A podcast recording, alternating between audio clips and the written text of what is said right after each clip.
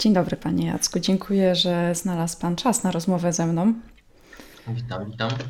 Chciałabym się od razu odnieść do sytuacji, w której znalazł się świat parę miesięcy temu, do samej pandemii. W jednej z wywiadów mówi Pan, że dochodzimy do ściany, zmieniamy się. Zmieniamy się przez desperację zamiast przez inspirację. Czy to jest faktycznie tak, że zmieniamy się dopiero jak doświadczamy cierpienia?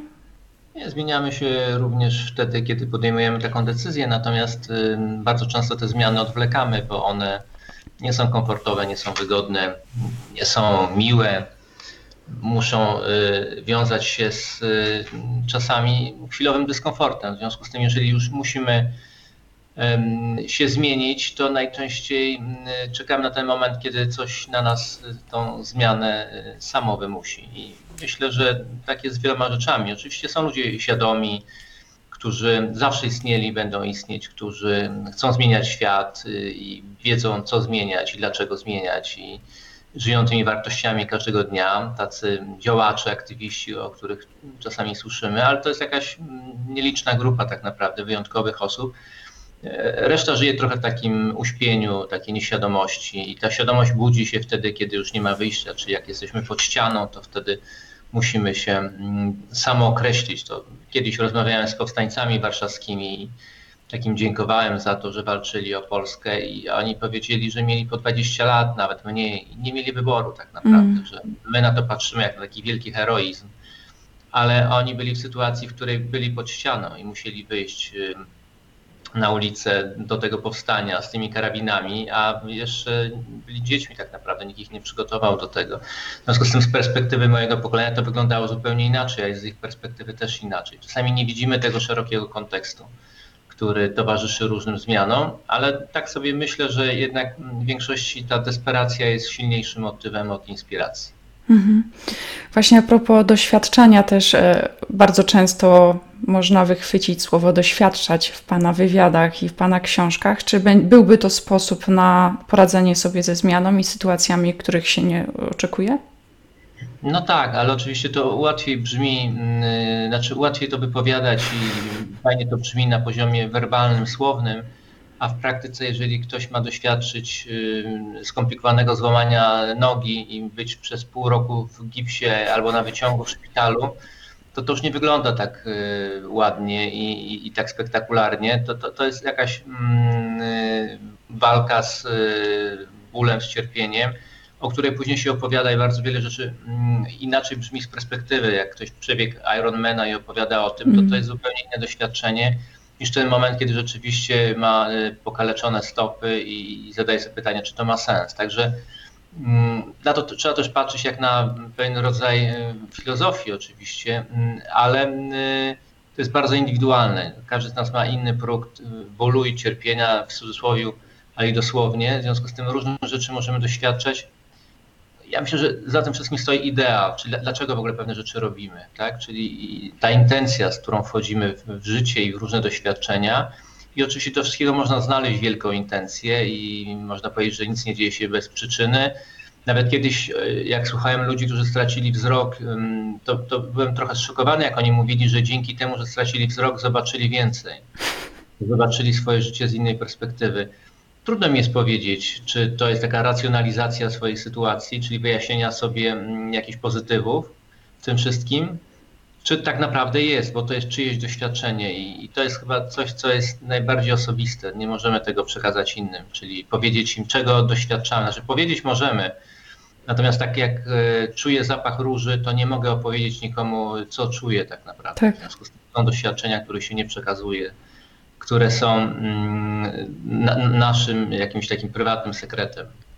Tak często słyszymy, co cię nie zabije, to cię wzmocni. Po przeczytaniu pana książki wreszcie po, poczułam, poczułam się usprawiedliwiona, bo bardzo nie lubiłam tej prawdy. Um, I tak często to słyszymy. Ja przestałam to powtarzać. Zaczęłam wręcz cytować pana, że to nie jest tak do końca, że, że bardzo nas poturbuje. Ostatnie wydarzenia bardzo nas wszystkich poturbowały. Znaczy, mm, y, w ogóle jakby żyjemy w takich czasach ogromnych y, zmian i takiego wyrwania nas z tego komfortu. przez wiele lat żeśmy się przyzwyczaili do, do takiej krzywej wzrostu, wszystko lepiej, coraz więcej mm, dóbr, pieniędzy, mm, y, samolotów, przelotów, tanich. No, no praktycznie ten świat był taki w zasięgu ręki. Jeszcze pamiętam czasy, kiedy lot samolotem był wydarzeniem, natomiast dzisiaj mm, przestał być wydarzeniem, ale się okazuje, że znowu będzie wydarzeniem, tak? Bo nagle samoloty przestały latać i mm, to jest dosyć szokujące, że to, to było trudne do wyobrażenia, gdyby mi ktoś powiedział rok temu, że przyjdzie taki czas, że na przykład samoloty nie będą latały, a wszyscy będziemy siedzieli w domach z powodu jakiejś tam y, niewielkiej istotki, jakiegoś łańcuszka DNA, który, który wnika do ludzi i zmienia nam życie. W związku z tym o tym się mówi już od dawna, jak rozmawiałem z takimi moimi duchowymi przywódcami, takich nazwijmy, Mhm. no to oni, czy, czy jak czytałem takie książki, to tak naprawdę mm, dużo tam o takiego przekazu, że świat musi się obudzić. Także to najwyższy czas na taką świadomość, yy, gdzie żyjemy, co robimy, jak niszczymy planetę i tak dalej, i tak dalej. Yy, To się oczywiście wszystko łączy ze sobą z różnymi innymi ruchami, z taką energią, która po- pobudza ludzi do, mm, yy, do yy, sprzeciwu tak naprawdę, a z drugiej strony proszę zobaczyć, że mm, w obliczu takiego malutkiego wirusa jesteśmy trochę bezbronni. Jedyne, co nam pozostaje, to tak naprawdę taki po, po, pozytywny y, po- optymizm, takie spojrzenie na to, że tak pewnie ludzie bardzo często patrzą, dlatego y, nie do końca uznają, że on jest niektórzy, bo, bo to być może daje im siłę do tego, żeby normalnie funkcjonować, bo my przez jakiś czas możemy być w zamknięciu, ale to nawet mimo tego obciążenia, tego zagrożenia może trwać krótko. To jest trochę tak jak w czasie II wojny światowej, z czego nie miałem świadomości, nie zdawałem sobie sprawy kiedyś, że no, normalnie toczyło się życie tak naprawdę. Mhm. Ci, ci ludzie chodzili do, do, do pracy, do sklepów, kupowali, byli mm, na mieście, tak jak my. Mogło się zdarzyć, że podczas tej wizyty do sklepu nagle zostali złapani, wiezieni do obozu, ale nie mogli o tym myśleć każdego dnia, musieli normalnie funkcjonować i, i to pokazuje, że życie się toczy w każdych warunkach, nawet w tych najbardziej dramatycznych. I, y, I my też y, jakby szukamy takiej zdolności do adaptacji w tym wszystkim. Tak? Różni ludzie mają różne metody. Jedni to negują, inni być może mm, starają się zadbać o swoją odporność immunologiczną, jeszcze inni siedzą w domu i nie wychodzą, ale tak naprawdę jest jakaś zmiana, y, taka na naszych oczach dziejąca się, która w jakimś stopniu chyba jest bardziej już na- poziomie desperacji niż, niż inspiracji. Tak? Bo inspiracja to była 20 lat temu, jak żeśmy słuchali, że mm, trzeba być świadomym i, i, i zadbać o świat wokół nas, y, miłość y, i bliskość z ludźmi i tak dalej, i tak. Tak? Ale to w czasach, kiedy żeśmy żyli konsumpcją, to myślę, że były takie słowa odległe. Nagle się okazuje, mm, że ludzie dotykają pewnych wartości takich uniwersalnych. Ale co chciałem powiedzieć mm, jako własną refleksję, tak naprawdę jak ktoś kiedyś dowiaduje się, czy dowiedział się, czy się dowie, że ma śmiertelną chorobę, to tak naprawdę też ma taką swoją wielką pandemię, e, taki swój, swój wielki dramat i takie dojście do ściany. Czyli my tym dzisiaj żyjemy, ponieważ to jest w takim ujęciu globalnym widoczne, tak? Cały świat jest w takiej samej sytuacji. Natomiast jednostkowo, to w każdym momencie, w każdej sekundzie na świecie, w różnych miejscach ludzie dotykają y, cierpienia i, i, i trudów życia. W związku z tym y, muszą się te, z tym zmierzyć i to w jakiś stopniu pewnie też ich otwiera y, na, na świadomość tego, że ten świat wcale nie jest taki, jak nam się wydawało, tak? Czyli, że doświadczamy rzeczy mm, nowych. I, no i teraz jest kwestia, na ile zostaliśmy tego przygotowani i na ile jesteśmy w tym skuteczni, na, na ile wyjdziemy z tego zwycięsko, tak? No, a na to pytanie to nikt nie ma odpowiedzi, ponieważ y, życie jest tajemnicą i myślę, że śmierć też jest tajemnicą. I wszystko to, co się dzieje po drodze, też jest tajemnicze. Chociaż nam się wydawało przez lata, że my to wszystko kontrolujemy, zarządzamy, stawiamy cele, realizujemy, mamy marzenia, idziemy do przodu. Wszystko jest możliwe, niebo jest ograniczeniem, a w ogóle niebo też nie jest ograniczeniem. No to wszystko są piękne teksty, trochę metaforyczne, które oczywiście dodają nam siły i motywują. Ale przychodzi taki moment, y, kiedy się okazuje, że y, to, to nawet nie niebo jest ograniczeniem, to, to, to my sami jesteśmy y, swoim największym ograniczeniem, ponieważ jesteśmy bardzo kruchymi istotami tak naprawdę i, i psychicznie, i fizycznie, chociaż z drugiej strony jesteśmy silni, heroiczni i możemy robić różne rzeczy. Niesamowity czas pokazujący człowieka z bardzo różnych perspektyw.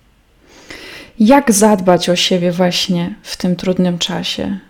O swoje zdrowie psychiczne szczególnie. No, przede wszystkim tutaj mm, dopiero jakby wychodzi ta nasza siła psychiczna, którą żeśmy wynieśli też z domu, tak? Ta nasza konstrukcja, która też trochę odpowiada e, naszemu typowi osobowości, temperamentu. Nasz układ nerwowy jest bardzo różny, różnie jest pobudzany, różnie jest hamowany. W związku z tym, mm, po, pierwsze, trzeba sobie zdać sprawę z tego, że w jakimś stopniu jest to też po naszej stronie, tak, że my możemy tym zarządzać. Y, przede wszystkim możemy zarządzać informacją, która do nas dociera i tym, czy my chcemy mieć wszystkie informacje, czy nie chcemy. Taki, taka dieta, jak to się mówi, niskoinformacyjna jest myślę, że bardzo przydatna w dzisiejszych czasach. Chociaż sam wiem, że dążę do tego, żeby wiedzieć, co się dzieje, bo po pierwsze już żyję w takim świecie informacyjnym, a po drugie daje mi to znowu poczucie kontroli. Tak? Jeżeli wiem, e, jaka jest ilość na przykład zachorowań, no to z jednej strony to mnie przytłacza, że to mm. dramatyczna sytuacja, ale z drugiej strony mam takie poczucie, że coś kontroluję, bo wiem. Tak? To, to pewnie właśnie jest zły kierunek. E, wielu rzeczy nie musimy być świadomi, bo one nic nam nie zmieniają. Powinniśmy być świadomi tego, co pozwala nam e, na zachowanie zdrowia, na, na e, pomaganie innym ludziom, na, na widzenie potrzeb, z którymi możemy się zmierzyć własnymi, ale też innych ludzi. Natomiast my też pewnie żeśmy się przyzwyczaili do, do, do takich informacji, które nas szokują, bo one yy, są częścią naszego świata, w którym żyjemy. Tak? Są media społecznościowe, wszyscy piszą, yy, my to sprawdzamy, sami piszemy, no bardzo dużo płynie tego. Także myślę, że pierwszą rzeczą to, to jest jednak mimo wszystko zmusić się w jakimś stopniu, się da, do tego, żeby mm, posłużyć się tymi trzema sitami Sokratesa. Sokrates miał takie trzy sita. Pierwsze sito to sito dobra, y, sito prawdy, sito dobra, sito przydatności, czyli każdą informację przesiewał przez to, czy to jest sito prawdy, czy to jest prawdziwa informacja, drugie, czy to jest dobra dla mnie informacja, i trzecie, czy to jest przydatna dla mnie informacja. Jeżeli zastosujemy te trzy sita, to wyjdzie na to, że wiele z tych informacji jest niepewnych, mm, zbędnych, y, niedobrych y, i nieprzydatnych, y, bo, bo dlatego, że odciąga nas tak naprawdę od, mm, od tego, co możemy robić, w stronę tego, na co nie mamy wpływu. Także myślę, że to, to jest pierwsza rzecz. Druga rzecz, no to oczywiście rozwijanie sobie optymizmu takiego sytuacyjnego też trochę, tak? bo, bo nie wszyscy mamy taką predyspozycję naturalną, że wszystko widzimy w kolorowych barwach, mm, ale takiego, że mm, świat wielokrotnie był w różnych trudnych sytuacjach. My nie zawsze żeśmy to widzieli i słyszeli. Ja dopiero teraz się dowiaduję, że w latach tam 50. czy 60.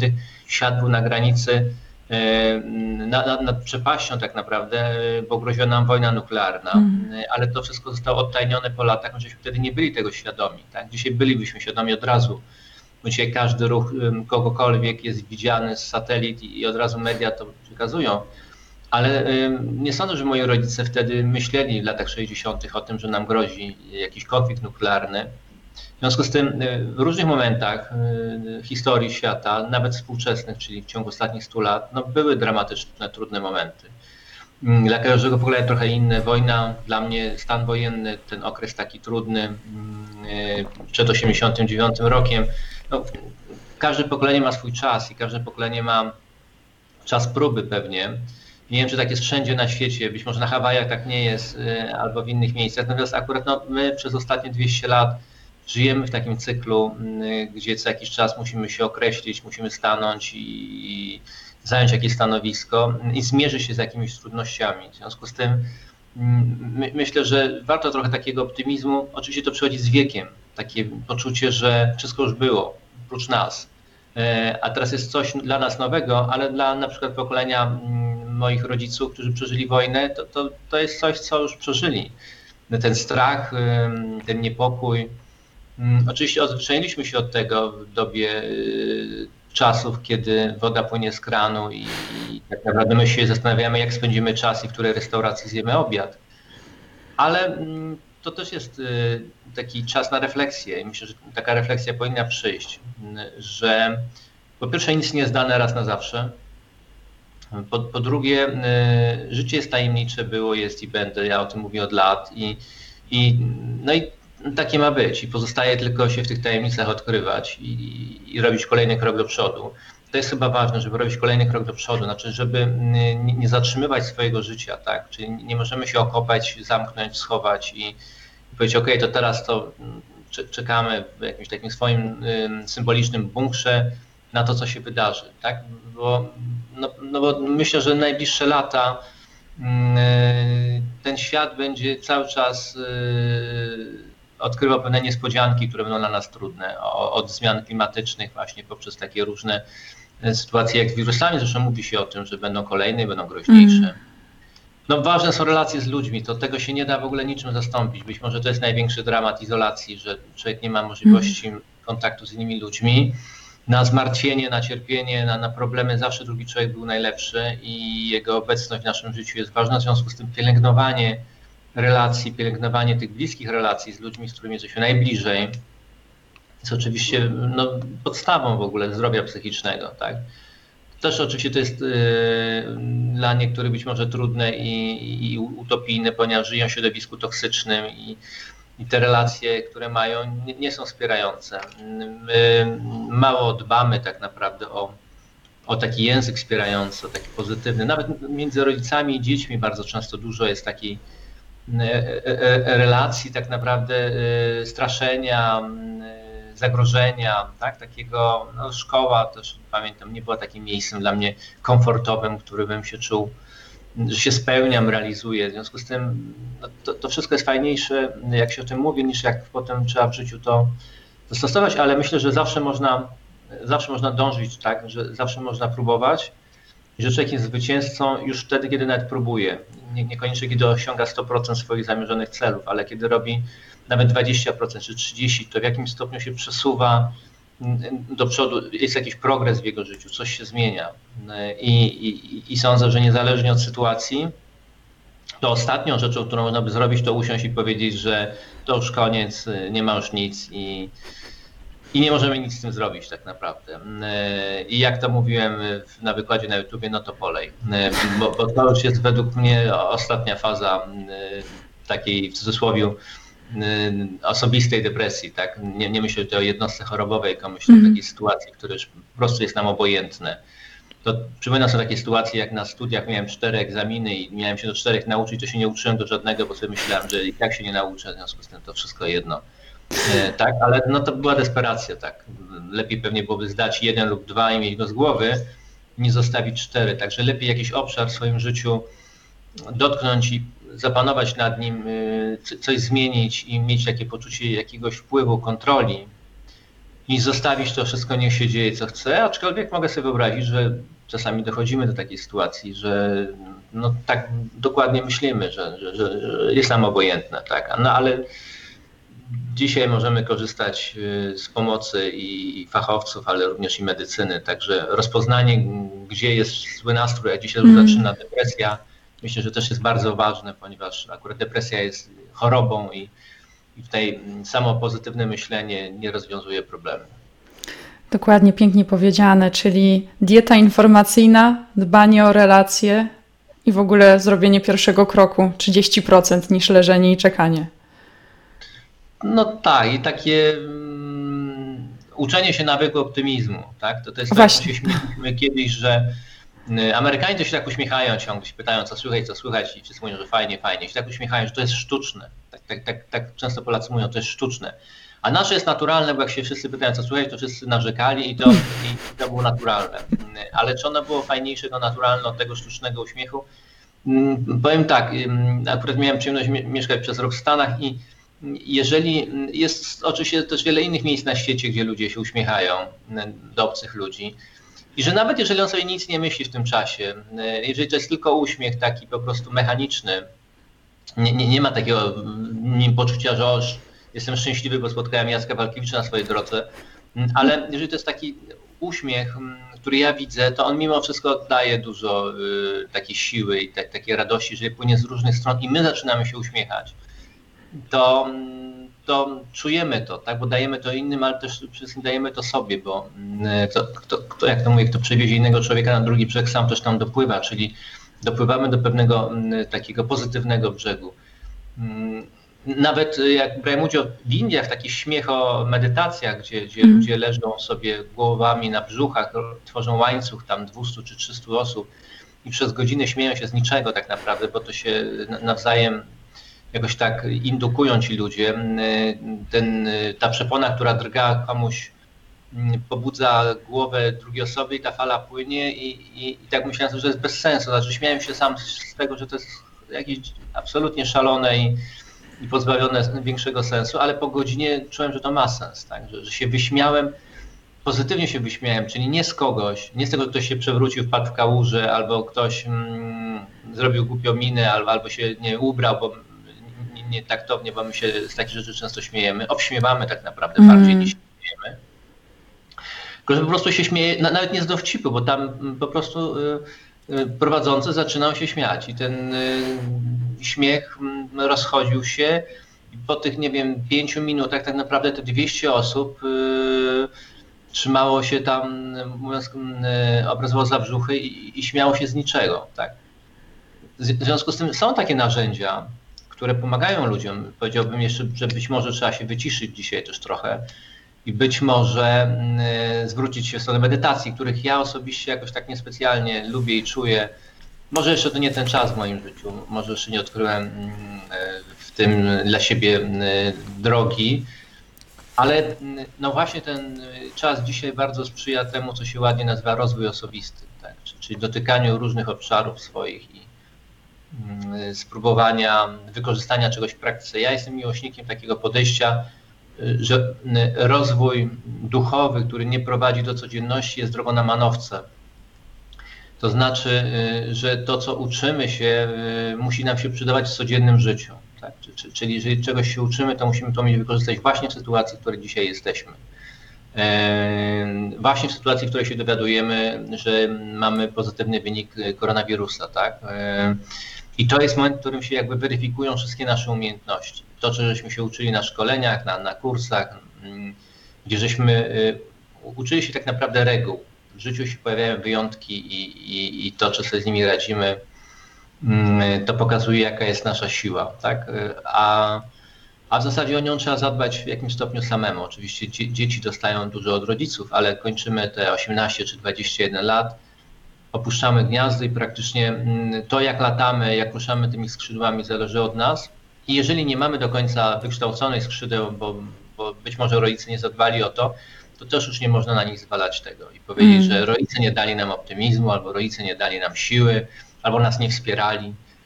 No trudno, no też być może sami nie dostali, nie mieli, nie potrafili, nie czytali książek, bo kiedyś nie było takich książek, nie chodzili na kursy. W związku z tym trzeba im dać święty spokój i jak to ktoś ładnie powiedział, odpuścić rodzicom, bo oni też mieli swoje zmartwienia. Jak będziemy mieli swoje dzieci, mamy swoje dzieci, to wtedy widać, że to wszystko nie jest takie proste. Tak? Natomiast tą osobistą skuteczność, jak to wynika już ze słowa, trzeba mieć osobiście. Cudownie powiedziane. Ja właśnie moje relacje z moimi rodzicami diametralnie się poprawiły w momencie, jak e, zaczęłam odczuwać wdzięczność za to, co mi dali. I gdy uświadomiłam sobie, że nie mieli właśnie takiego dojścia do informacji, do książek, do internetu chociażby, które my teraz mamy, i docenienie tego, co robili, bo po prostu tak zaczęli, zostali nauczeni. I, I myślę, że to jest najważniejsze, żeby zrozumieć i być wdzięcznym. No, to jest y, coś, do czego się dochodzi w różnych momentach życia. Czasami dochodzi się szybciej, bo żeśmy się z tym zetknęli, czytając książkę albo będąc na jakimś y, mm, seminarium, y, a czasami ci, którzy nie biorą udziału w takich przedsięwzięciach, nie czytają takich książek, nie są w stanie tego nawet zrozumieć. Tak?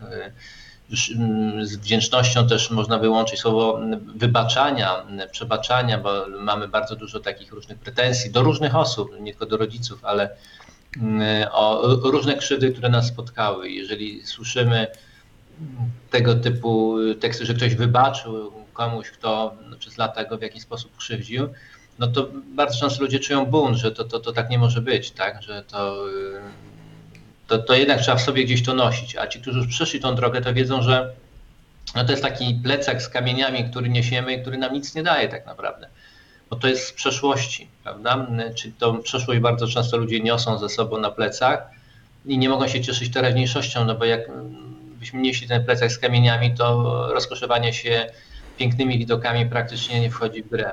I ten moment, kiedy ludzie potrafią komuś być wdzięcznym, podziękować, to jest moment rzeczywiście przemiany. Nawet się mówi, że z jednej strony jest szczęście, a z drugiej strony jest no właśnie nie nieszczęście, tylko brak wdzięczności. Mm. Czyli na jednej osi szczęście, a na drugiej jest brak wdzięczności. Oczywiście też to wszystko jest bardzo indywidualne i to wszystko bardzo dobrze brzmi y, w takim haśle, który przekazujemy tutaj bardzo y, skrótowo, bo, bo trudno to rozwijać. Natomiast w praktyce za tym się kryje bardzo wiele różnych rzeczy i bardzo wiele tego, co trzeba zrobić, żeby do tego momentu dojść. Prawda? Bo to mówimy już o, o finalnym efekcie, że Mhm. wstajemy i czujemy wdzięczność naszym rodzicom. To tak jak, nie wiem, stajemy i mówimy mm, swojemu rodzicowi kocham cię, tak? I to wydaje się takie oczywiste, bo dzisiaj e, dzieci bardzo często mówią kocham, rodzice mówią kocham, ale jeszcze 30 lat temu nikt nie słyszał takich słów tak naprawdę. Bardzo niewielu rodziców mówiło dzieciom kocham cię i bardzo niewielu dzieci mówiło rodzicom takim dorosłym, którzy mieli Mm. e, po 50, 60 lat, 70 nawet, e, a te dzieci też już miały po 40, żeby mówiły, y, ci- chciałem ci powiedzieć, no, tato czy mamo, że cię kocham. To, to było coś, co wydawało się, no, nie, nie, no, niektórzy wręcz mówili, że to nie przechodzi przez gardło, tak? E, oczywiście psychologowie czy prowadzący szkolenia często mówili, no właśnie musisz wypowiedzieć to, e, właśnie dlatego masz kłopoty z gardłem, ciągłe infekcje i, i anginy, bo to są niewypowiedziane emocje, tak? To nie wiem, czy tak jest, czy tak nie jest. No, jest mi bliska filozofia, że ciało zna odpowiedź, czyli że w ciele są odpowiedzi na pytania, które sobie zadajemy, co z czego wynika, że ta psychosomatyka e, istnieje i jesteśmy połączeni, nasze doświadczenia z bólami w ciele, ale oczywiście to też y, patrzę na to z perspektywy ilość wie, wielu szkoleń, y, które przeszedłem i wielu spotkań z mądrymi ludźmi wielu książek, które przeczytałem. Jeżeli ktoś nie ma do tego dostępu, to nawet nie wie, że, mm, że być może boli go y, coś y, gdzieś, bo, bo nie powiedział swojemu bliskiemu człowiekowi, rodzicowi, czy partnerowi, czy komukolwiek, że, że jest mu wdzięczny na przykład. Tak? Dokładnie tak jak Pan powiedział, to jest efekt końcowy, finalny. Dla mnie to też była bardzo długa droga i wiele szkoleń, wiele książek, e, wiele przemyśleń, takich samorefleksji. Em, ale właśnie u mnie było tak, że jeszcze musiałam sobie sama wybaczyć. Ja miałam do siebie dużo wyrzutów. Na przykład e, ja mieszkam w Niemczech od 8 lat i robiłam sobie wyrzuty, że wyjechałam z kraju, że zostawiłam rodziców, że im nie pomagam. I moment, w którym zaczęłam, wybaczyłam sobie wiele kuriozalnych tak naprawdę rzeczy, em, było łatwiej mi wyrazić też wdzięczność. No tak, to bez e, jakiegoś mm, zewnętrznego źródła pomocy trudno jest któregoś dnia obudzić i powiedzieć sobie wybaczam. Tak? Tak. To, ta inspiracja płynie na ogół od ludzi, którzy mm, też już to przeszli i się tym zajmują. Czy- Czyli je- jeżeli y, ludzie dzisiaj mówią, ale to rzadziej już mówią, że sam sobie poradzę, to oczywiście mm, to pewnie jest możliwe, ale to trwa długo. To jest tak jak nauczenie się samemu pływania na desce surfingowej. No można poświęcić na to miesiąc czy dwa, żeby dojść do wszystkiego samemu, ale instruktorzy mówią to w dwie godziny, w związku z Tak. tym nie ma sensu. I, I tak samo jest z psychologią. Jest bardzo dużo rzeczy, które zostały opisane, powiedziane i jest bardzo dużo narzędzi. I czasami ludzie mówią, że ale ja wiem, no, co mam zrobić, tak, poradzę sobie. Pójdę do psychologa i co będę mu mówił i co, co to zmieni. To jakoś zmienia. Tak samo jak udział w szkoleniach zmienia, w seminariach, warsztatach. Nawet nie wiadomo, w którym momencie to się dzieje, ale w którymś momencie człowiek czuje, że te wszystkie rzeczy jakoś zaskoczyły i, i jest w nas y, coś, co bym nazwał taką lekkością. Nagle człowiek czuje, że, że coś z niego spadło, uwolnił się, po- pozbył się. Oczywiście to, to nie jest tak, że zrobimy to jednorazowo i wszystko się zmienia, bo znowu idziemy dalej, czasami po drodze znowu zbieramy kolejne worki z kamieniami, kamieniami i ła, ła, ładujemy do swojego plecaczka życiowego, mm, bo, no bo na tej drodze różne rzeczy się dzieją. Tak? Także myślę, że, że, że to zresztą no, to jest chyba istota życia, że, że człowiek się wspina na całą swoją górę, a droga na szczyt jest pod górę, czyli wymaga jakiegoś tam wysiłku i trudu. Dokładnie. Wróciłabym do tematu ćwiczenia świadomości. Wspomniał Pan właśnie o tym. W jaki sposób można wyciszyć umysł i ćwiczyć tą świadomość? No przez uważność.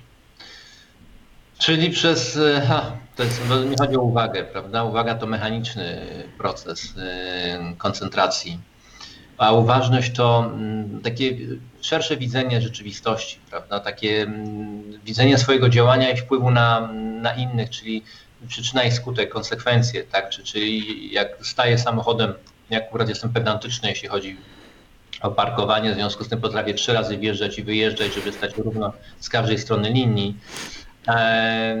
Po pierwsze nie lubię, nie, nie, nie lubię takiej dysharmonii, bo w ogóle lubię w życiu również, jak, jak, jak to wszystko jest na swoim miejscu ale też mam bardzo dużo takiej empatii, takiego rozumienia, że ktoś, kto stanie obok, będzie miał kłopot, żeby wjechać. Tak? Ja mam akurat dosyć taki duży samochód i jak na przykład na parkingu jest podziemny napisane, że jest nie wiem, 20 miejsc, to się czasami okazuje, że jest 20 miejsc, ale żadnego dla mnie. Nie dlatego, że y, tych miejsc nie ma, tylko dlatego, że ludzie, którzy stawali obok, stanęli tak, y, że ja już tam nie jestem w stanie wjechać. Tak? Znaczy, ja się mieszczę tym samochodem w każdym normalnym miejscu parkingowym, pod warunkiem, że ci, którzy stają obok, również stoją po środku, a nie stoją przy samej linii na przykład, albo, albo wręcz na linii, albo pomijam tych, którzy stoją na dwóch miejscach. I teraz, mm, no, i to jest taka praktyczna uważność, tak? że, że człowiek zadaje sobie pytanie, czy to, co teraz mówię, pomaga innym, czy wręcz przeciwnie, będzie im życiu przeszkadzało. Czy to, co robię, to, to jest dobre dla mnie i świata dookoła. To też no, górnolotnie brzmi, ale, y, ale właśnie chodzi o takie widzenie siebie w tym świecie, wszechświecie, y, w takim szerszym wymiarze trochę, tak? Nie, nie, nie, patrzenie tylko w lustro i widzenie siebie, tylko patrzenie przez okno i widzenie świata, który jest za nami. No i rozumienie takich prostych rzeczy, y, takich, że no, po psach się sprząta po prostu. Tak? To, to, cały czas problem tutaj, gdzie mieszkam, chociaż jest mnóstwo tabliczek i mnóstwo napisów i, i, różne rozwiązania, to ciągle się okazuje, że to nie jest takie oczywiste, że po własnym psie trzeba posprzątać. A jeżeli tych psów jest 100 dookoła, mm, no to e, robi się jakiś społeczny problem i, i w zasadzie można by tutaj zastanawiać się, czy ci ludzie są kulturalni, czy wychowani, czy niewychowani, ale ja myślę, że to, to nie jest droga. Właśnie, że oni są po prostu mało uważni. Mhm być może no, w ogóle tak mają, bo większość jest mało uważna, tak? Czyli mm, ma świadomość y, tego, co myśli, jak myśli, co robi, jak robi, dlaczego tak robi, jakie ma nawyki, dlaczego ma takie nawyki, jak to wpływa, czy, czy taka, taki ogląd siebie y, samego w ogóle, ale też siebie w świecie, w którym jesteśmy. I jaka jest nasza rola, już pomijam, jaka jest nasza misja i jakie mamy wartości, bo to już jest nie wiem, poziom zaawansowany chyba to też jest uważność, tak? Natomiast sądzę, że tak najprostszym takim ćwiczeniem to jest mimo wszystko ta medytacja, czyli nie wiem, krótkie momenty, kiedy ludzie potrafią puścić swoje myśli i, i skoncentrować się na oddechu, bo na, na tym to polega. No i zobaczy, co się będzie działo, bo oczywiście też, jeżeli ktoś tego nie robił, to, y, to nie wie. To, to, to jest trochę tak, jak, jak niektórzy idą spać i zadają sobie jakieś pytania, którą, na które chcą znaleźć odpowiedź w nocy. Mhm. Rano się budzą i mają odpowiedź, tak? I, I, wiedzą, że zrobią tak lub inaczej. I jakby się spytali, ale jak to się stało i skąd to wiedzą, to pewnie nie wiedzą skąd to wiedzą, po prostu wiedzą. Bo pewne rzeczy gdzieś się zrealizowały poza nami, być może w wielkim jakimś internecie światowym, kosmicznym, a potem wróciły do nas, do naszego mózgu jako ten taki mail z informacją to, to, to, nie ma znaczenia, jak to się dzieje. Znaczenie ma to, że tego, tego typu działania dają efekty, że są skuteczne i że mają miejsce. I teraz, jeżeli ktoś w to nie wierzy, mm, to bardzo często nie wierzy, chociaż nigdy nie spróbował. Tak? E, tak, także rozwijanie świadomości, uczenie się, mm, to, to jest poza takimi tymi metodami, o których mówimy, bo no chyba jednak większość odnosi się właśnie do, do medytacji lub y, kontemplacji, bo u nas y, być może bardziej to słowo kontemplacja miałoby zastosowanie. Są klasztory kontemplacyjne, gdzie ludzie mogą jechać na nie wiem, tydzień, dwa, zamknąć się w ciszy. Ktoś mi kiedyś powiedział, że był przez miesiąc w Australii, w buszu, przez miesiąc nie spotkał człowieka i ten miesiąc zmienił jego życie. Bo y, pomijając fakt, że tam wszystko w tej Australii może zabić, zagryźć, i, i pozbawić człowieka y, życia, to przede wszystkim powiedział, że po miesiącu bycia w tym buszu usłyszał swoje myśli. Swoje, znaczy te, te które są jego, a nie rodziców, y, polityków, y, nauczycieli, świata zewnętrznego. Tak? Usłyszał to, co sam myśli. To jest trochę tak, jak będąc na pustyni w, mm, w Afryce, mm, zobaczyłem gwiazdy. I byłem w szoku, jakich jest dużo, tak? ponieważ tam była absolutna ciemność i, i w tej ciemności było widać, że to niebo jest naprawdę białe. Że, rzeczywiście istnieje coś takiego jak wielki wóz, mały wóz i w ogóle wiele innych jeszcze konstelacji. Ale no, to było dla mnie odkrycie właśnie wynikające z pewnej mm, takiej chwili zatrzymania się, takiej, ciszy i, i takiego e, no, ch- chwilowego oczarowania w ogóle tym miejscem, w którym byłem. Tak? Czyli jakby moja tutaj uważność i percepcja była trochę większa, bo chłonąłem wsz- wszystko, co się dzieje. Nie, nie byłem niczym zajęty, nie było zasięgu, komórka nie mogła zadzwonić. Y, Też trudno zrobić zdjęcie nieba, E, aczkolwiek gdzieś tam człowiek ma taką potrzebę dzisiaj, że woli zrobić zdjęcie niż przeżyć. Tak? Mm. Czyli zatrzymać, żeby potem to oglądać. Potem to już nigdy nie wygląda tak, jak wygląda w naturalnym e, momencie, w naturalnej sytuacji, tak? bo, bo to niebo widziane oczami jest inne niż niebo widziane aparatem. No ale można sobie ten obraz kiedyś przypomnieć i wrócić do niego. Natomiast czy to jest łatwe? No nie jest, bo myślę, że już od pierwszej klasy szkoły podstawowej powinny być zajęcia z uważności, tak? z takiego widzenia świata w szerszym y, wymiarze, nawet nie, nie, nie tutaj naszym y, lokalnym, czy krajowym, czy europejskim, ale w ogóle takim światowym albo jeszcze i dalej. A propos myśli, czy robienie notatek może być formą treningu ważności? Absolutnie tak. Y, To w ogóle według mnie podstawa, żeby zapisywać sobie to, co czytamy, co nam przychodzi do głowy. Po pierwsze dlatego, że mm, można do tego wrócić. Po drugie dlatego, że zapisując, myślę, przechodzimy ten proces taki mm, neuronalny jeszcze raz, to znaczy ten układ nasz nerwowy musi to jeszcze raz przetrawić, tak, bo zapisujemy to, y, patrzymy na to, ta ręka gdzieś nam chodzi. Nie znam się na neurologii i na neuropsychologii tak dobrze, żeby to wytłumaczyć, ale gdzieś tam czuję, że, że ta ścieżka e, ne- neuronowa gdzieś tam w mózgu jest jeszcze raz pobudzana i jeszcze raz. Jeżeli czytamy po raz kolejny, to znowu do tego wracamy, utrwalamy to gdzieś tak. Nie, Poza tym możemy to aktualizować, dopisywać swoje refleksje, patrzeć na to z perspektywy czasu. Chciałem pokazać, ja mam taki, o proszę zobaczyć. Tu jest na- napisane inspiracje, inspiracje 2011 sprzed 9 lat e, i on jest cały, cały zapisany różnymi myślami. E, Na przykład, e, głupia stałość jest ulubieńcą ciasnych umysłów. Nie wymyśliłbym tego na pewno, ale zapisałem tak. Sukces to umiejętność przechodzenia od jednej do drugiej porażki bez utraty entuzjazmu. To Churchill, o ile pamiętam, powiedział. I, I tak dalej, i tak dalej. Mm, Te rzeczy czytane, one wylatują szybko z głowy. Do tego można wracać. Pomijam to, że dla mnie to jest narzędzie pracy, tak? bo ja mogę to wykorzystać na wykładach. A dwa, mm, mogę z tego zrobić mm, książkę, mogę te myśli rozwijać i akurat w moim przypadku to może pójść dalej mm, po przerobieniu jak, jak, jako pewien materiał związany z moimi refleksjami. Ale myślę, że niezależnie od tego, czy coś dalej z tym robimy dla innych, czy nie, to to ma sens, tak? To, to sprzyja mm, rozwoju świadomości i no w ogóle gdzieś nas wzbogaca o, mm, o, o nowe zdania całe, bo y, w tych zdaniach są słowa, które znamy, ale to, co najbardziej mnie fascynuje w książkach, to to, że czytam y, czyjeś zdanie i jestem w szoku, jak on to zbudował, tak? jak on to ujął, y, jak to, y, jak to brzmi. Wszystkie słowa znam i mógłbym z tego sam złożyć. No to jest trochę tak, jak malarz ma farbę, my też możemy te farby mieć, bierzemy pędzel, on bierze pędzel i on tworzy dzieła, a nam nic nie wychodzi. Ale możemy się rozkoszować tym, co on stworzył i powiesić u siebie w domu. W związku z tym te słowa możemy w jakiś sposób zawiesić w swoim życiu jako, jako dzieło I, i, i tak patrzę na książki. Myślę, że w ogóle książki, czytanie i no dzisiaj jeszcze być może słuchanie różnych podcastów czy oglądanie filmów na YouTubie ró- różnych, a nie ma z tym problemu, wystarczy wpisać tylko słowo, tak? Jak rozwijać uważność być może i, i coś nam wyskoczy.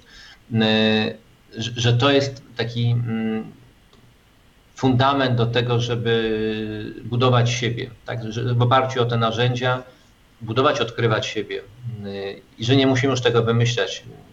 Też nie musimy tak e, się męczyć czytać yy, filozofów, którzy czasami piszą w sposób trudno dla nas zrozumiały. Możemy naprawdę zobaczyć innych ludzi, którzy mają dla nas garść takich inspiracji i sami gdzieś tam przez to przeszli.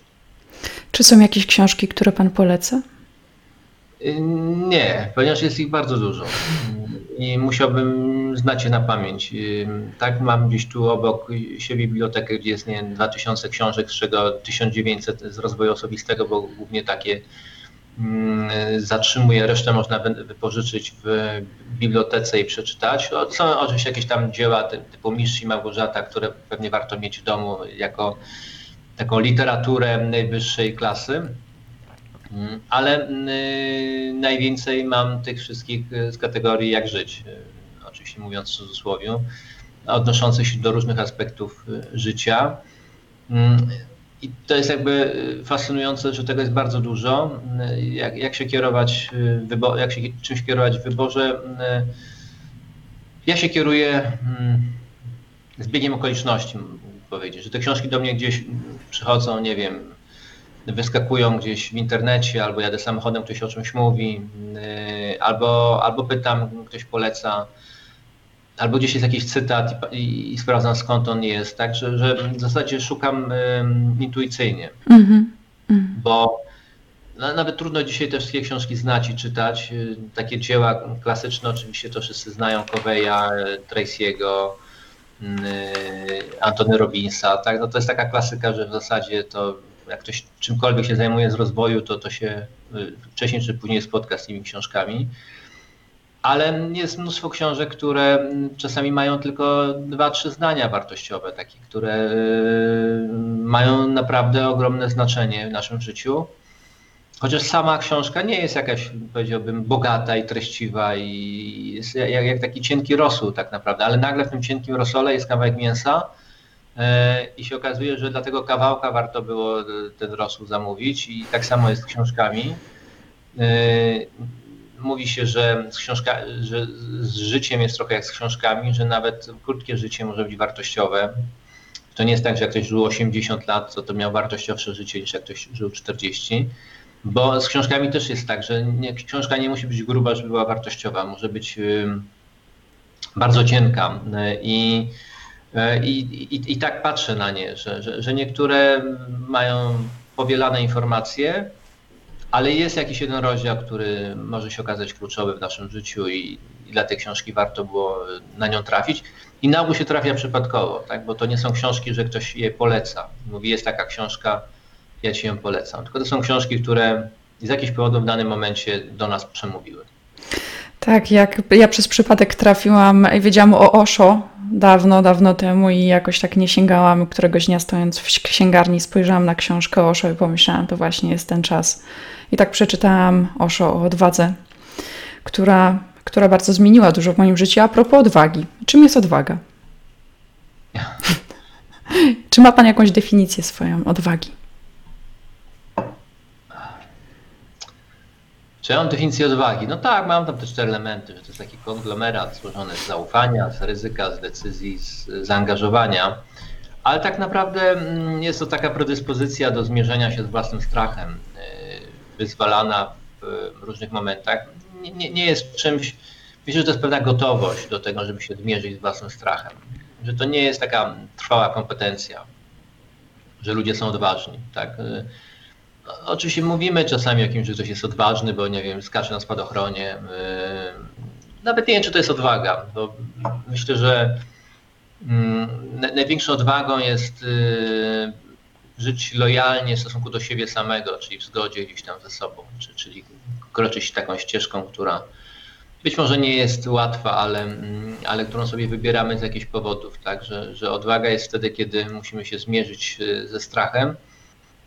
I też y, ten strach y, można różnie definiować, y, bo to też jest ten sym- symbol jakiegoś zagrożenia, prawda? Ale najczęściej według mnie nie chodzi o takie zagrożenie zewnętrzne y, przy tej prawdziwej odwadze, znaczy takie, że skaczemy i może się spadochron nie otworzyć.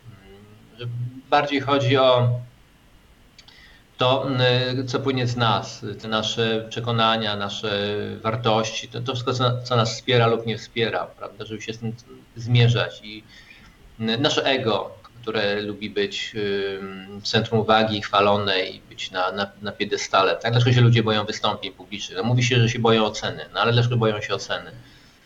Mm, no właśnie, no, no, no dlatego, że mm, nie radzą sobie z takimi sytuacjami, ponieważ jakby nie są zbudowani na jakichś takich swoich silnych fundamentach, tak? na takim poczuciu autonomii, wiem kim jestem, wiem co robię, wiem co myślę, mm, jestem prawym człowiekiem i moje intencje są pozytywne i to, czy ktoś to zaakceptuje, czy nie, to jest bez znaczenia. Czy to, to, to poczucie wartości, to poczucie wiary w siebie, no jakby się tego nie nazwali, to, to, to wszystko y, potem się gdzieś weryfikuje w tej odwadze i ja myślę, że właśnie to jest coś, co się dzieje w takiej y, cichości naszych, naszego umysłu, no nie wiem, naszego serca, no gdzieś tam w nas i tego często nie widać. I ci naprawdę heroiczni ludzie no to są właśnie ci, którzy dzisiaj walczą z COVID-em na przykład. Mm. To, to, mało kto sobie tam zadaje pytanie, jak to wygląda w praktyce w takim szpitalu, jak wygląda praca pielęgniarki, czy lekarza, czy, czy ratownika medycznego. Ale to jest ten rodzaj odwagi, który według mnie nie jest e, spektakularny, nie można go pokazać, nie, nie jest specjalnie mm, e, widowiskowy ale jestem przekonany, że ci ludzie każdego dnia muszą się zmierzyć y, z ogromem y, bólu, cierpienia też innych ludzi y, i, i to wymaga odwagi, żeby mm, robić swoje tak naprawdę, a nie powiedzieć, to ja się, no ja się nie nadaję, mam dosyć, to nie mam siły, to ponad moje możliwości tak naprawdę, to ja dziękuję, tak. I, no i to jest chyba coś, co się toczy gdzieś w nas. Ten, ten y, strach puka do drzwi, to puka nam tam gdzieś w sercu. Otwieramy odwaga, to też gdzieś to się dzieje w środku.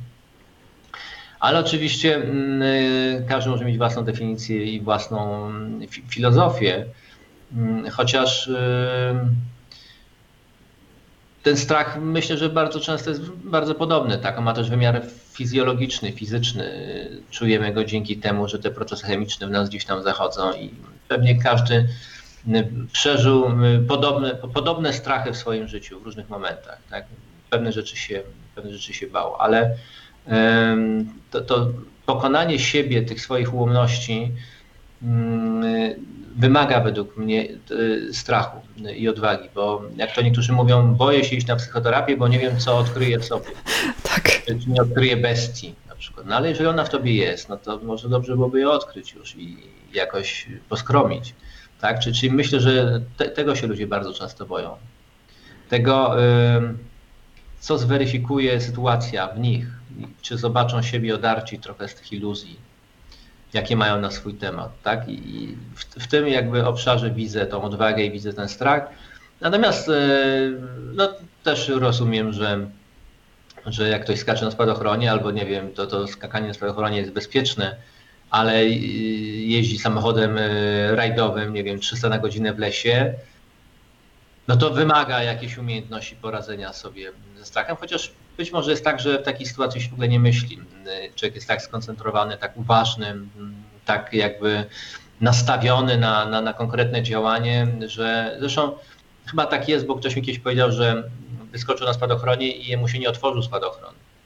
I nie otworzył mu się również zapasowy spadochron, znaczy otworzył się, ale się zaplątał w linki. I że tak leciał w dół i był y, w szoku, jak trzeźwo myśli. Y, miał niewiele czasu, bo miał raptem 20 sekund do ziemi i powiedział, że nigdy tak trzeźwo nie myślał, czyli nad tym, co on może zrobić w tej sytuacji, jak może się wyplątać z tego y, zapasowego spadochronu i że udało mu się, zrobił to na 3 sekundy przed ziemią. To 3 sekundy przed ziemią to jest 150 metrów mniej więcej. Czyli y, poza tym, że się potłukł i coś tam sobie złamał, no to przeżył. Mhm. No ale to, to już mu niewiele zostało tak naprawdę. 3 sekundy to jest 101, 102, 103 i, i on już jest na ziemi. I właśnie mówił o tym, że od tego momentu nigdy się już niczego w życiu tak naprawdę, znaczy nigdy, takich drobnych rzeczy, takich, a co powie szef, a co powie ktoś tam, a, a co sobie ludzie pomyślą, to w ogóle nie, nie istniały dla niego takie problemy, tak? bo mógł wrócić do tego doświadczenia i, i, powiedzieć sobie, że dostał drugie życie i to drugie może być zdecydowanie inne niż to pierwsze, może być mniej oparte na na strachu o rzeczy, które nie powinny być straszne. Tak? Bo e, to są oczywiście sytuacje, które e, myślę, że z założenia są e, straszne. No, jak, jak, nie wiem, tonął Titanic, no to ta sytuacja sama w sobie była dramatyczna I, i ludzie tam na pewno wszyscy się bali, niezależnie od tego, jaką mieli konstrukcję i To jest zupełnie inna sytuacja. My na co dzień nie mamy takich sytuacji. My się na co dzień boimy tych strachów, które sobie sami generujemy, wymyślamy i tworzymy. Mm, I one trochę tak jak dziecko widzi za zasłonką, że ktoś stoi. Tak? Potem się okazuje, że jest cień od, od kwiatka, ale, ale dla niego to, to jest realne zagrożenie. Tak samo dorośli też tworzą sobie trochę takie sytuacje i no i y, to jest tak jak ten mm, syzyf, który pcha tą kulę pod górę i mówi, że taki rysunek jest mleczki, że może ro- robota ciężka, ale pewna. Tak? Czy może i jest dramatycznie, ale znamy to i lubimy się czasami trochę pognębić i po- pomartwić rzeczami, na które nie mamy wpływu. I pobać się trochę, tak? Y, A co, co będzie, jak stracę pracę na przykład? Nic nie będzie, no. To znajdziesz następną. A, a jak nie znajdę, tak? I jakby ludzie wchodzą w jakieś takie rozważania, ale le- dlaczego nie znajdziesz? Pracy jest dużo na świecie, a jeżeli nawet nie będziesz chciał od kogoś, to sam może się tworzyć, bo, bo, bo też jest dużo możliwości tworzenia czegoś, czego nie ma. Zresztą dzisiaj wszystkie startupy to pokazują, tak, Mm. że ludzie tworzą pracę. Nie szukają pracy, tylko ją tworzą. No ale ktoś nie wierzy w siebie. No i tak, tak, taka rozmowa czasami jest prowadzona, no bo on nie ufa sobie. Zresztą też takie teksty ludzie piszą, nie ufam sobie. No to zaufaj. No ale on sobie nie ufa. No ale żyje 30 lat i się maturę zdało i studia skończyło i, mm, i mm, przeszło przez wiele skrzyżowań, zostaliśmy rozjechani, mamy prawo jazdy, no to co, co trzeba jeszcze, żeby mieć takie poczucie, że sobie zaufam? Tak? To, to, to nie są sytuacje ekstremalne typu, typu wojna, gdzie jakby wszystko to, co mówimy, przestaje mieć tam zastosowanie, tak? bo w, sy- w sytuacjach takich y, katastrof, dramatów, no to cała ta filozofia y, trochę jest trudna do obronienia. Y, Tak, żeby ktoś w obliczu katastrofy powiedział, doświadczam katastrofy, trudno mi sobie to wyobrazić. To, to byłoby chyba mm, jakieś chore nawet. Y, ale my w większości nie, nie doświadczamy takich skrajnych traum. A nawet takich, jak czytałem ludzi, mm, pamiętniki z okresów wojny i pobytu w obozach w różnych miejscach, to oni też stosowali tam narzędzia, które my dzisiaj znamy i one im pomagały na przykład wizualizację przyszłego życia. Tak? Ludzie w dramatycznych sytuacjach wyobrażali sobie, co będą robili po wojnie, po wyzwoleniu. I niektórzy to robili, wyobrażali sobie bardzo dokładnie, niektórzy, jak czytałem, wyobrażali sobie miejsca, gdzie będą mieszkali na świecie, tak, że to na przykład Los Angeles i w ogóle mm, no, takie szczegóły, detale starali się skupić na tym, żeby ich umysł, mózg tutaj pracował, umysł, żeby to ogarniał w takich szczegółach. Taka wizualizacja, której się uczy na treningach mentalnych na przykład, to, to, to robili to, ale nie w komfortowym fotelu, tylko mm, w jakimś baraku obozowym, pozbawieni naprawdę godności i wszystkie, znaczy godności, bo, mo- może nawet nie, nie do końca, ponieważ ona gdzieś była w nich, ale, ale wszystko to, co się działo dookoła, y, miało służyć, żeby ich zniszczyć jako, ja- ja- jako ludzi, a oni mieli sobie siłę. I potem się y, dzielili taką swoją refleksją, że oni to zrobili. Oni tam zamieszkali, gdzie sobie wyobrażali i ich życie poszło w tą stronę. Tak? Y, No takie dla mnie mocno mm, wspierające historie, które pokazują to, co powiedziałem już podczas tego spotkania, że wszystko już było oprócz nas, że różni ludzie przeszli już wszystko to, co my często przechodzimy w którymś momencie swojego życia. Po Mm. prostu. Czasami trzeba się do tego odwołać, nie wiem, znaleźć, spytać, przeczytać, zobaczyć i przenieść i, i, i mieć takie poczucie, że o, oczywiście ta unikalność polega na tym, że to nas dotyka i teraz jest to naszym doświadczeniem, a kiedyś to była tylko informacja z książki. Ale, y, ale że y, mamy tak w sobie moc do, do robienia rzeczy niezwykłych, natomiast jej wyzwolenie no to jest jakaś umiejętność, której też trzeba się nauczyć. Jakie było największe wyzwanie w Pana życiu, które wymagało najwięcej odwagi? O, chyba Sytuacja. na uczelni. Tak jak patrzę z perspektywy, to to był mm, naprawdę trudny moment w moim życiu, ponieważ y, ja miałem być lekarzem, ale nie mogłem zdawać na medycynę, bo nie znałem fizyki. Dostałem się na weterynarię, tam odkryłem, że boję się zwierząt. Naprawdę boję się, że to bycie weterynarzem bojącym się zwierząt jest y, pozbawione sensu. Oczywiście pewnie można się nauczyć nie bać się zwierząt, jak się je bliżej pozna i pokocha i polubi. I, mm, y, gdybym sobie dał czas, być może to by się zmieniło, ale nie, nie czułem tego. I zmiana na psychologię była w tamtych czasach zmianą bardzo trudną. Po pierwsze technicznie, bo weterynaria to biologia, chemia, psychologia to historia Polski, inne przedmioty zdawane, inni ludzie, tu humaniści, tam zupełnie inne umysły. W weterynarii wszystko jest konkretne, żyły, tętnice, kości, to wszystko jest opisane, namacalne i jak krowę boli żołądek, to mniej więcej wiadomo, co, co trzeba jej dać i co z nią zrobić, prawda? W psychologii wszystko jest rozmyte, jest takie nie, nie, nie, niedodefiniowane według mnie do końca, jest mnóstwo badań, które różne rzeczy mierzą, ważą, ale przeniesienie tego do życia codziennego nie jest takie proste. W związku z tym mm, przeniesienie fizyczne było du- dużym przedsięwzięciem, bardzo trudnym.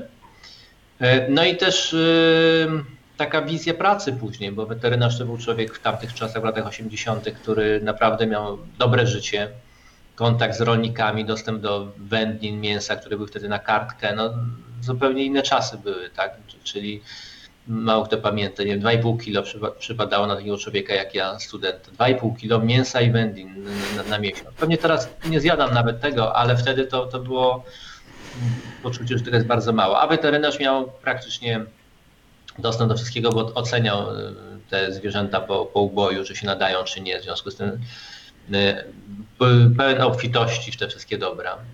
Poza tym to był konkretny zawód, a psycholog to był nikt tak naprawdę. Człowiek, który nie, nie miał wiele do roboty, no, testy robić przy po- poradni wychowawczo-zawodowej dla uczniów. No i trochę niewiele pracował w szpitalach psychiatrycznych jak- jako psychologowie kliniczni, ale też tam nie cieszyli się jakimś uznaniem. Też nie leczyli, tylko robili testy. Może niektórzy zajmowali się terapią, ale to, to, to też było takie w powijakach jeszcze wtedy. I wtedy zdecydowałem się na porzucenie przyszłościowego zawodu y, na rzecz y, takiej, powiedziałbym, fanaberii, że mm, to ja się zajmę psychologią i, i między innymi to mało kto wie, bo ja o tym nie mówiłem, że moją główną inspiracją do psychologii to była parapsychologia, czyli poznanie bliżej wszystkich zjawisk parapsychologicznych. To był czas, y, kiedy pan Stefański pisał książki z parapsychologii y, i to był czas, kiedy była taka fascynacja hipnozą i wieloma innymi rzeczami. Tak? I ja to się tym fascynowałem. E, I byłem przekonany, że na psychologii no to właśnie można rozwijać te wszystkie umiejętności, wiedzę na temat y, lewitacji i przesyłania myśli na odległość, a potem się okazało, że na psychologii w ogóle się o tym nie mówi, nie ma takiego przedmiotu, nawet nie, nie, nie ma mm, y, momentu, kiedy się o tym mówi, bo to jest jakiś w ogóle margines. Zresztą, jak sama nazwa wskazuje, parapsychologia. A y, dla środowiska moich y, znajomych, rodziców, bliskich, y, to też było bardzo trudne y, do zrozumienia, dlaczego ja chcę właśnie pójść w tym kierunku, który zupełnie nie ma przyszłości. Z perspektywy życia mogę powiedzieć, że właśnie ten kierunek miał przyszłość. Gdybym był weterynarzem, y, to y, pewnie bym skończył jak niektórzy moi koledzy, z którymi studiowałem, po prostu robili co innego. Hmm. Taką osobą bardzo znaną, y, z którą studiowałem, y, był Janowski, który prowadził Jaka to Melodia, prawda? Poszedł w zupełnie innym kierunku i, i, i zrealizował się, spełnił w zupełnie innym świecie, a weterynaria jako studia to nie wiem jak dzisiaj, nie tak samo. Były bardzo trudne studia, wymagające czasu i te wszystkie zwierzęta różnią się czasami su- subtelnymi mm, takimi drobiazgami, ale ma to wpływ y, na to, ile trzeba się nauczyć nowych rzeczy.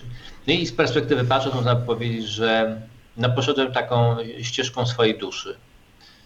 Ale to wiem mając 58 lat, natomiast wtedy nie wiedziałem. Czyli odpowiedź na pytanie jest taka, że chyba ta, ta sytuacja była jedną z takich y, trudniejszych, które miały wymiar życiowy, to znaczy, że one, że, że ta decyzja wpływała na to tak naprawdę, co się zdarzyło dalej. Nie, nie, była taką, powiedziałbym, jednorazową decyzją, która niewiele w życiu zmienia. Nie, ona zmieniła y, wszystko.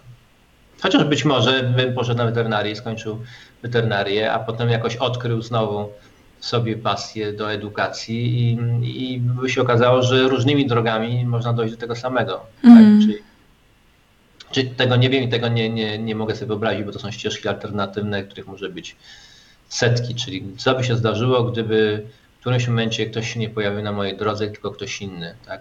Ktoś Też nie, nie, nie mówię o tym, ale ja pierwotnie chciałem studiować w Olsztynie na Akademii Rolniczej i tam chciałem studiować ochronę wód. Aha, W 1951 roku chciałem studiować ochronę wód. Pewnie dzisiaj jest więcej pracy po, po tym kierunku niż kiedyś, ale to te, też ciekawe, tak? Nie zdecydowałem się na to, bo wymagało to przeniesienia się do Olsztyna mm, i z powodów rodzinnych wtedy jakby nie byłem gotów na takie przedsięwzięcie. Także, także w ogóle gdzie indziej, gdybym zrealizował ten pomysł, to w ogóle być może byłbym w zupełnie innym miejscu yy, w pracy, ale być może mieszkał też w innym miejscu. No, wiele mogłoby się zmienić.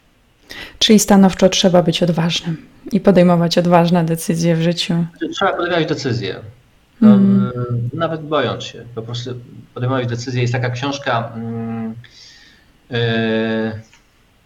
Reguła 5 sekund. Aha, mhm.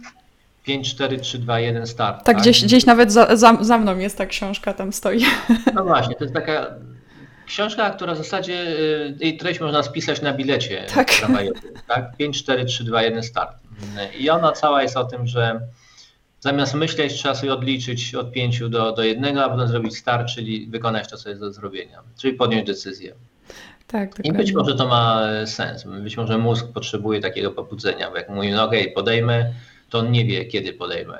A jak ma już jeden i za chwilę jest start, to on już wie, że to jest ten moment, w którym trzeba uruchomić działanie. Także mm, no, czy się jest odważnym, czy się nie jest odważnym, to chodzi o to, żeby podejmować decyzje. A dzisiaj szczególnie, bo to szybki wygrywa z wolnym, w związku z tym y, ci, co podejmują, wygrywają z tymi, którzy myślą o tym, żeby coś w tym kierunku zrobić.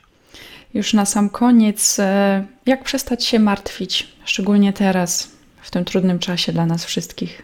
Skupić się na działaniu tak naprawdę. Na zmartwienie najlepsze jest działanie.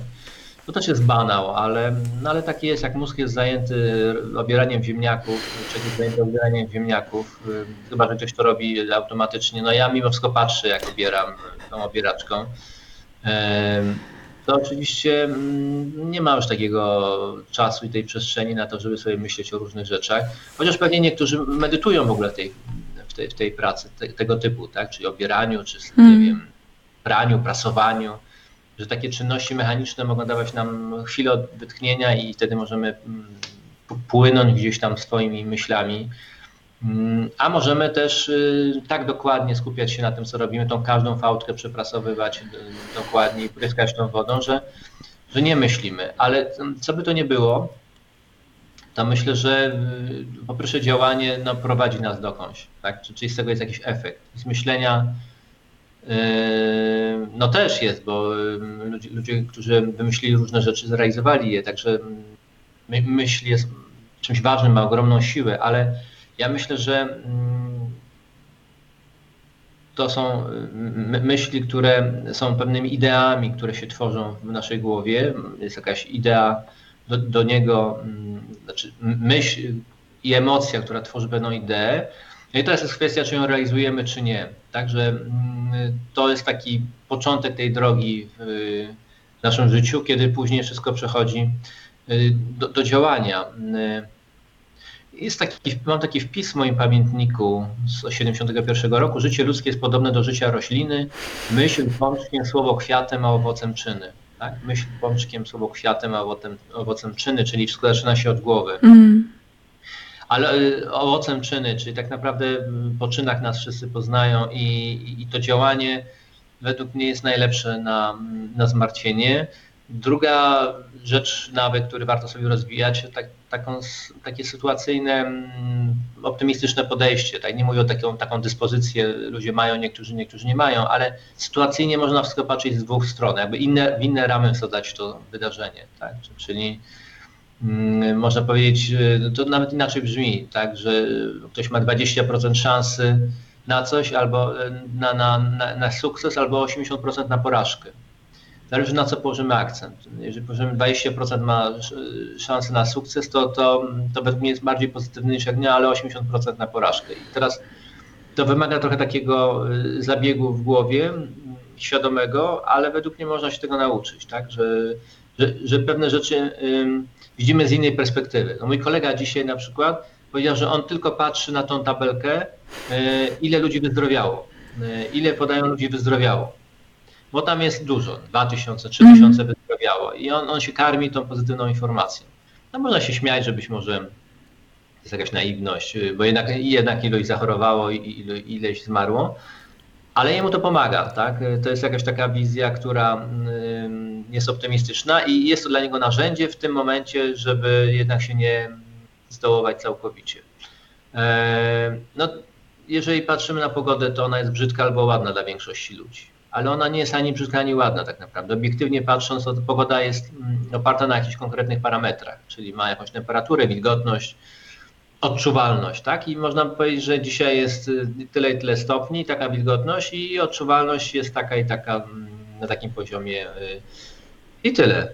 No i teraz ubrać się stosownie do tego, co, co powiedziałem.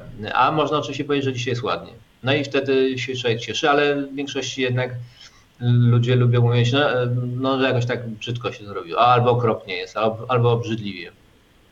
No i wtedy już y, się nie cieszą, tak? I, I oczywiście to są takie drobiazgi, które budują nasz nastrój, ale myślę, że dużo takich rzeczy y, mm, jest wokół nas, które my ciągle oceniamy. że Coś ładne, coś okropne, coś jest brzydkie. y, No, nawet siebie oceniamy. Nie, kiepsko wyglądam, nie wiem, gdzie się ubrałam, włosy mam już nie tak, jakie tłuste. No, ludzie tyle komunikatów przesyłają mm, negatywnych, że nie są nawet w stanie nad tym panować, nawet nie wiedzą, że je przesyłają. A są takie miejsca na świecie, takie kultury, gdzie takie rzeczy w ogóle nie płyną. Naprawdę. To jak byłem u Indian w Kanadzie i to, co mnie fascynowało, to to, że oni, mm, oni starają się zrozumieć, a nie ocenić. Tak? Czy, czyli gdybym sobie założył nocnik na głowę, to się pytali, co to jest, nocnik, do czego służy, do tego, ależ on na głowie, a to ciekawe, czy tak się chodzi tam, gdzie mieszkam, czy to ma jakieś znaczenie, to jest symbol, czy to jest rytuał. My, my jakbyśmy zobaczyli Indianina mm, w jakimś dziwnym kapeluszu, to byśmy powiedzieli, o, patrz jak się ubrał, tak. Po co oni się tak ubierają? No, bardzo jesteśmy y, w tym świecie takiej oceny zatopieni. Ja myślę, że to jest jedna z tych rzeczy, których zmiana powoduje ogromną zmianę w życiu. Tak? Taka nie- niewielka zmiana y, w podejściu, czyli przestać oceniać, powoduje wielką zmianę w różnych ym, tych aspektach naszego życia i zawodowego, i, i, i osobistego, na poziomie emocji, no w ogóle w wi- widzeniu rzeczywistości. Trochę się martwić pewnie trzeba, bo to pozwala nam jednak e, koncentrować się na rzeczach ważnych, tak? E, skupiać się. Poza tym, no, to, to nie jest tak, że można tylko iść przez życie i mówić doświadczam, doświadczam, o doświadczam, tak. No, no nie, no, te emocje nam towarzyszą, pozytywne, negatywne, y, cała skala tych emocji, y, to pełna paleta. I tak, tak mniej więcej według mnie y, ma wyglądać życie, że my poznajemy całą, jesteśmy malarzem, który maluje swoje życie, ale ma do, dostęp nie do czterech farb, tylko ma dostęp do różnych, zmieszanych i korzysta z tego, tak? I oczywiście w życiu pewne rysunki w naszym życiu powstają jakoś same, nagle coś się namalowało, na przykład, że się człowiek budzi rano i ma 40 stopni gorączki. Sam sobie tego nie namalował pewnie. Chociaż można by pewnie wejść głębiej i zobaczyć, że tak, no jednak sam, bo nie zadbał o odporność, łaził gdzieś w deszczu, pił alkohol, palił papierosy, obniżył. Jakbyśmy to wszystko zebrali w całość, to by wyszło, że naprawdę człowiek jest kowalem swojego losu, czyli większość rzeczy, które się dzieją w jego życiu, wynika z jego decyzji. Oczywiście można powiedzieć, no ale y, przecież jechał i wjechał w niego ktoś samochodem. No ale jechał samochodem, mógł nigdy nie zrobić prawa jazdy. To po co robił? E, Tego dnia wyjechał, a, nie, a mógł nie wyjechać, tak? E, No ale to był przypadek. No może, ale częścią 50% tego sprawstwa jest ten człowiek mm, poszkodowany, bo on to wszystko zrobił. Jeżeli się pójdzie w tym kierunku, co dla niektórych pewnie jest nie do przyjęcia i, i się nie zgodzą w ogóle z takim podejściem do życia, zresztą mają prawo i, e, i to też ma sens, jak ktoś powie, nie zgadzam się, bo to być może mu jakoś pomaga. Mm, Ale gdyby tak spojrzeć na to, to od bardzo wczesnych momentów y, życia, no, no, ja niestety mam trochę doświadczeń z takimi dziwnymi ludźmi, którzy mi powiedzieli, że nawet dziecko, dusza dziecka wybiera sobie rodziców, tak? Mm, Czyli jakby zaczynanie od samego początku, że to, że przyszedłeś na świat w tej rodzinie, to jest twoja decyzja. No, niektórzy pewnie się z tym w ogóle nie zgodzą, ale to może ma jakiś sens, tak? Że wybieramy sobie tych. Yy, i, i, i, i oni czegoś ma, mają nas nauczyć. I jeżeli pójdziemy tą drogą, to wyjdzie na to, że od samego początku podejmowaliśmy decyzję. Ale oczywiście nie wiem, czy należy tą drogą iść i czy to nam pomoże. Pe, pe, pewien powiedzmy pakiet, żeśmy dostali w jakimś zestawie, tak? Genów na przykład. I nie wiem, jedni się boją bardziej, inni się boją mniej. Jedni wchodzą na drzewo, a inni już pod drzewem się boją od tych, którzy weszli.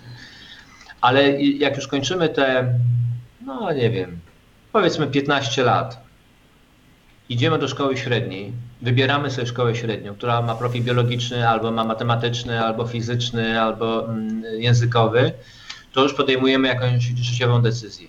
I ona determinuje następne decyzje, i następne, i następne.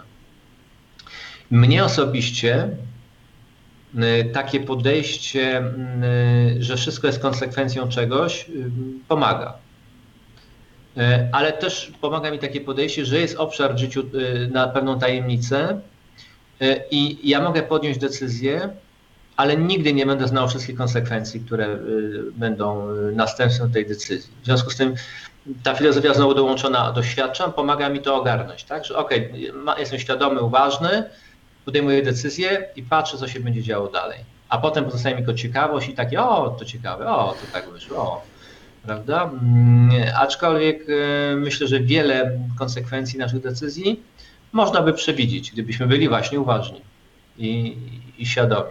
I, I można by zminimalizować później e, poziom stresu, który mamy z tego powodu, że no, płacimy za pewne błędy. W ogóle podsumowując, myślę, że Osho powiedział bardzo ważną rzecz, że życie mądre to jest życie świadome i uważne. I że te dwa słowa yy, no wystarczą, żeby rzeczywiście zmienić jakość swojego życia. Że, że jest to świadome, że, że my wiemy, co robimy, wiemy, dlaczego tak robimy. Mm, wiemy, co to może zmienić nam i innym, a potem jesteśmy uważni i w pewien sposób weryfikujemy to wszystko, tak? Czyli idziemy dalej i, i widzimy, co się dzieje dookoła nas. I to, co Osho też powiedział, co mi się bardzo podobało, że życie konsekwentne e, jest życiem często nudnym, bo jest życiem od punktu do punktu, do punktu, do punktu, że konsekwencja to jest trochę życie przeszłością. Czyli miesiąc temu postanowiłem, że dzisiaj będę robił to i to i dzisiaj robię to i to. Czyli, że to, co dzisiaj robię, trochę jest zaczepione przeszłości tak naprawdę. E, a nie robię to, co wynika z sytuacji, tak? Czyli nie, e, nie, nie patrzę, tak, nie żyję tu i teraz i, i uważnie obserwuję, e, tylko ciągle trzymam się tego, co podjąłem, tej decyzji, którą podjąłem, bo ona mi daje poczucie bezpieczeństwa. Tak? Że, że to życie odważne to jest takie życie człowieka, który robi każdy krok do przodu świadomie e, i chociaż idzie prosto, e, Morycy często mówili, patrz przed siebie, ale też mówili, patrz pod nogi. patrz pod nogi, jak idziesz. A potem mówili też, patrz przed siebie. Tak, jak patrzymy pod nogi, to wchodzimy na słup. Jak patrzymy na słup, to wchodzimy w kałużę.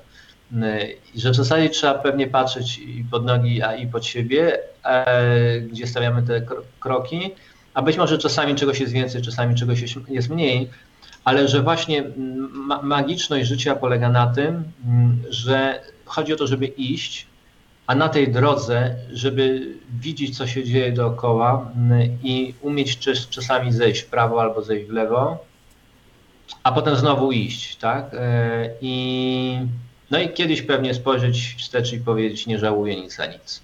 Tak jak śpiewa Edith Piaf. Cudownie, cudowne podsumowanie. Dziękuję bardzo. Dziękuję Panie Jacku za ten czas, który mi Pan poświęcił.